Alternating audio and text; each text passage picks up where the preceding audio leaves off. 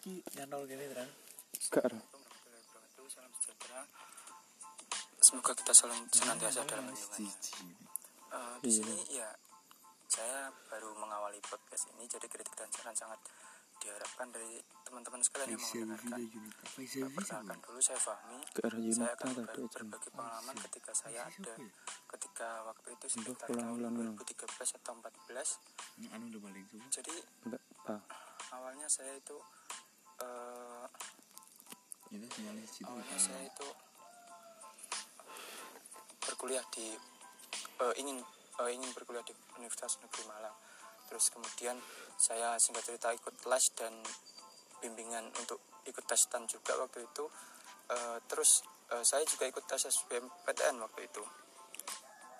Di mana tes SBMPTN itu di eh, sebuah kampus sebuah kampus eh, di Jember tepatnya di UNES Eh, kebetulan waktu itu eh, berkas saya ada yang tertinggal dan eh, saya untuk pulang nggak nggak memungkinkan kayaknya. Akhirnya diantar oleh eh, ayah saya diantar oleh bapak itu. Kemudian kan singkat cerita bapak nyampe di Malang itu kurang lebih sekitar pukul sekitar habis asar. Setelah itu saya itu ada teman ke, kepikiran ada teman saya juga yang kebetulan waktu itu daftar di Jember. Saya ah, saya terus ngechat eh, dan minta tumpangan untuk berangkat ke sana.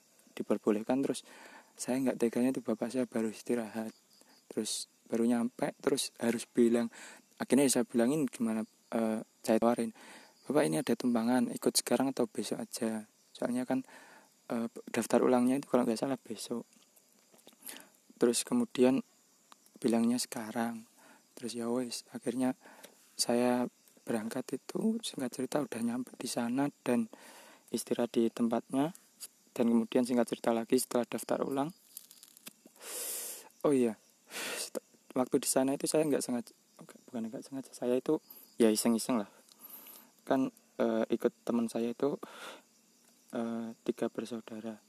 Di sana itu dia punya adik dan punya punya kakak cowok kakak cowok dia sama dia cewek dan adiknya juga cewek saya itu diajak keluar sama kakaknya yang cowok itu dan sama pacarnya. Akhirnya saya eh, apa keluar kalau nggak salah ke tempat futsal atau di ke mana gitu. Terus kemudian saya iseng-iseng itu tanya ke pacarnya kakak apa pacarnya mas itu.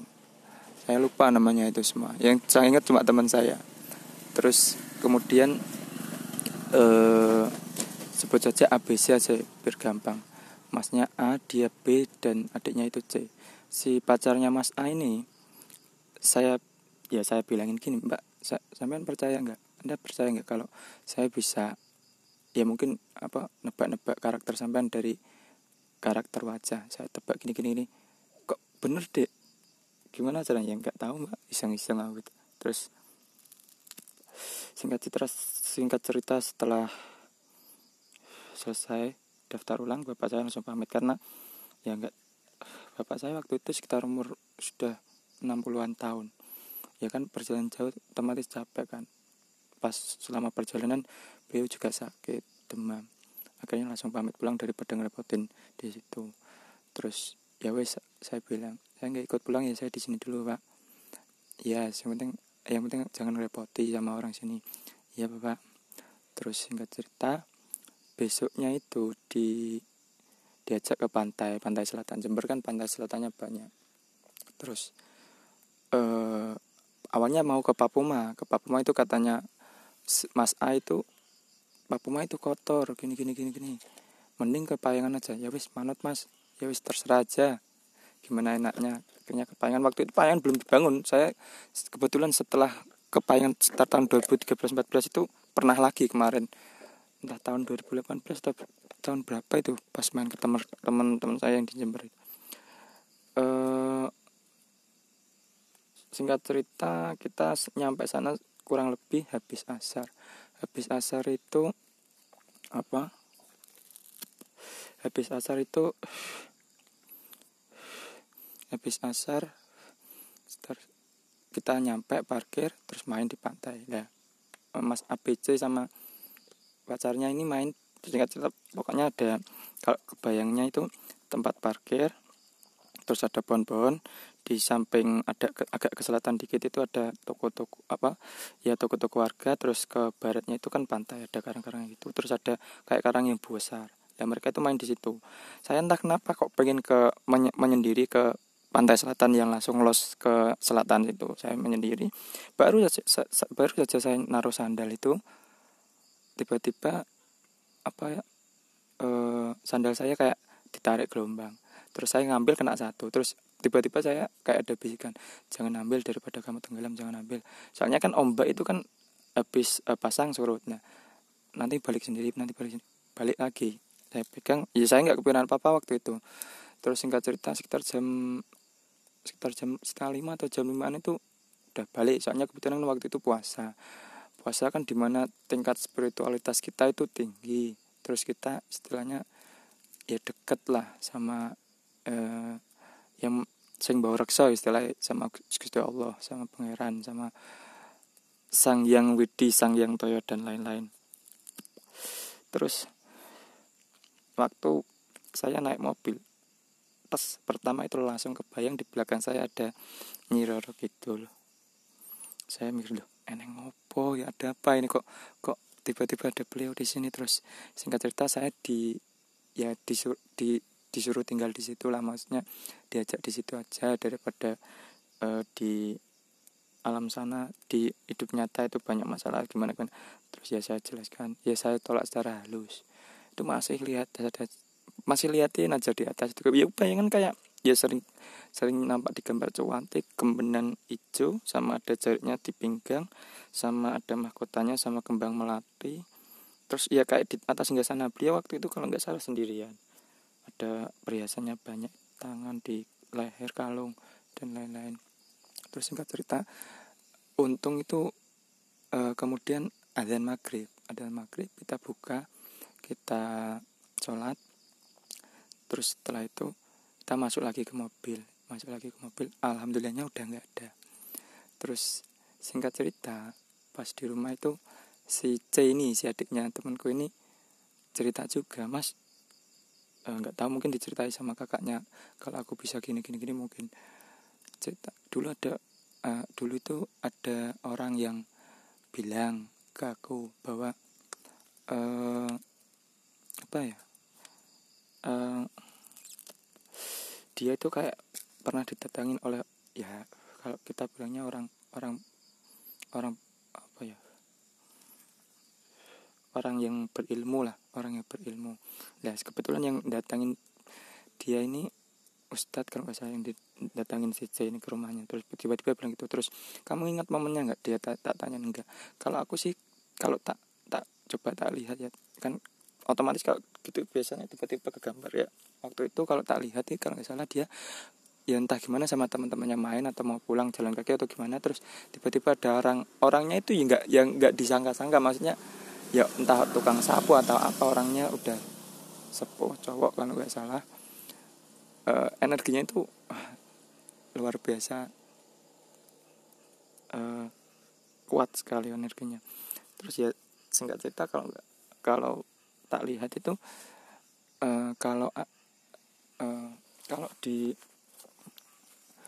hidup itu kan ada ada orang yang bilang karma sunatullah intinya ya kalau kita nanam apa ya kita tandurnya apa. Kalau Jawa kan sing sing sing tandur bakal bakal panen.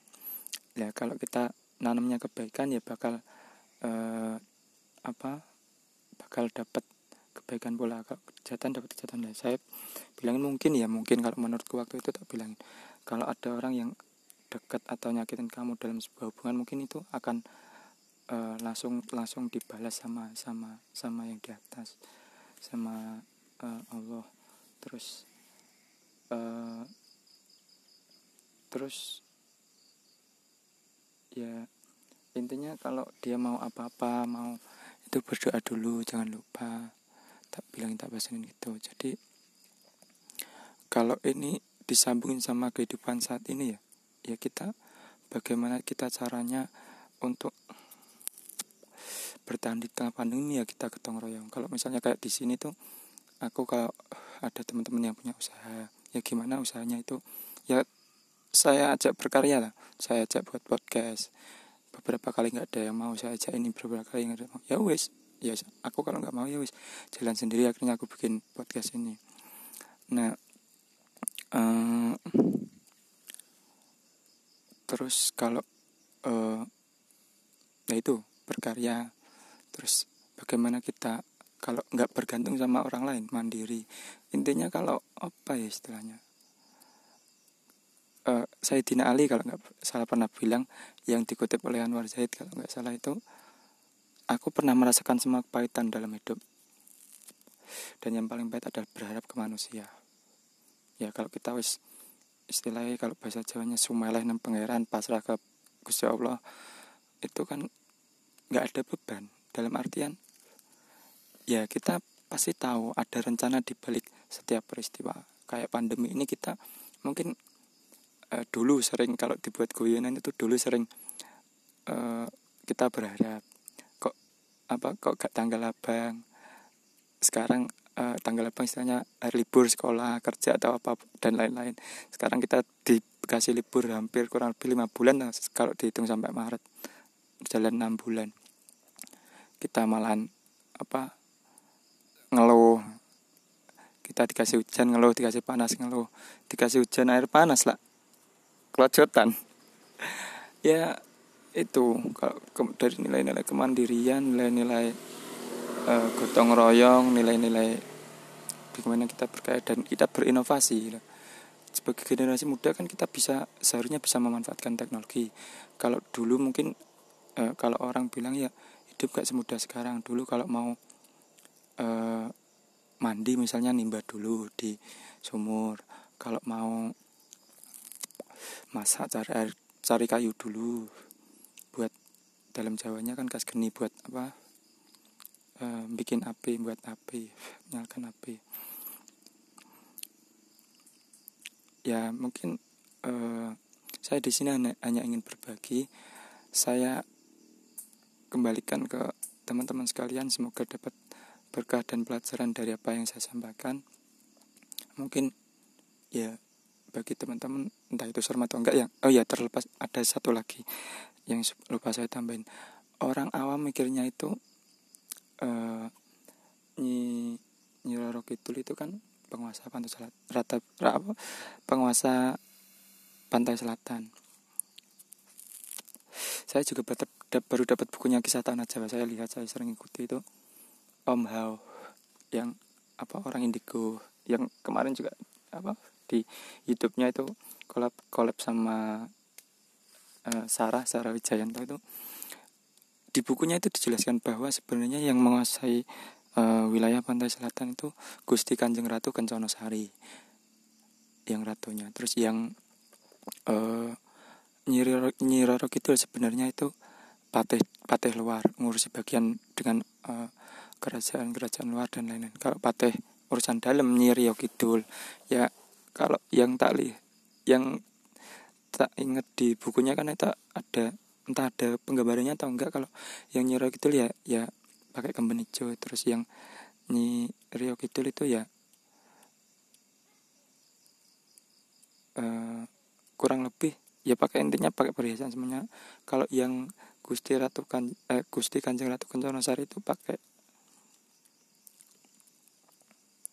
pakaian hitam kayak emas-emas pernik-pernik terus ada jariknya kalau nggak salah jarik kain badan Jawa itu ya intinya itu Gusti kan terus ada mbok dalam itu ya mbok ban mbok ban dalam atau mbok dalam itu yang ngurusi urusan dengan yang istilahnya merawat anak-anak indigo, anak mas, anak pelangi yang memiliki tujuan dan misi masing-masing di di di di Nusantara ini di Indonesia.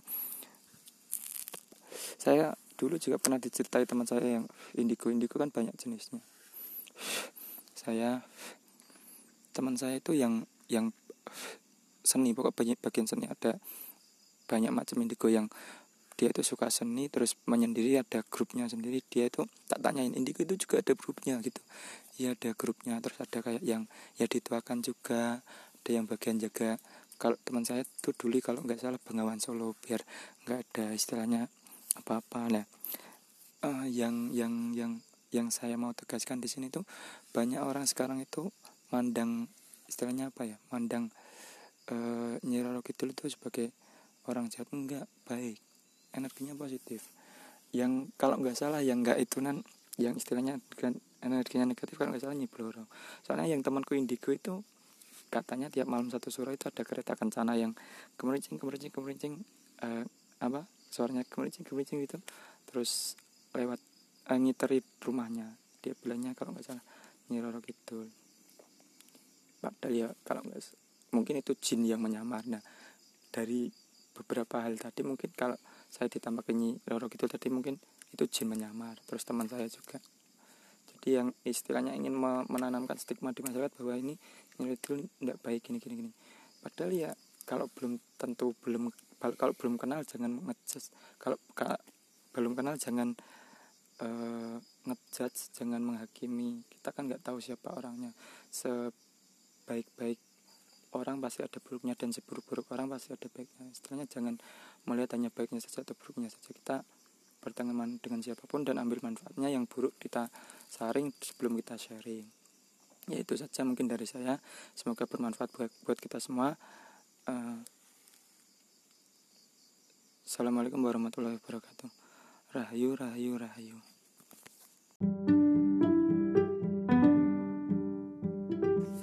Sehat selalu dan bahagia semua. Assalamualaikum warahmatullahi wabarakatuh. Salam sejahtera. Semoga kita selalu senantiasa dalam lindungannya. Uh, di sini ya saya baru mengawali podcast ini, jadi kritik dan saran sangat diharapkan dari teman-teman sekalian yang mau mendengarkan. Uh, perkenalkan dulu saya Fahmi saya akan berbagi pengalaman ketika saya ada ketika waktu itu sekitar tahun 2013 atau 14 jadi awalnya saya itu uh, awalnya saya itu berkuliah di uh, ingin uh, ingin berkuliah di Universitas Negeri Malang. Terus kemudian saya singkat cerita ikut les dan bimbingan untuk ikut tes juga waktu itu. Uh, terus uh, saya juga ikut tes SBMPTN waktu itu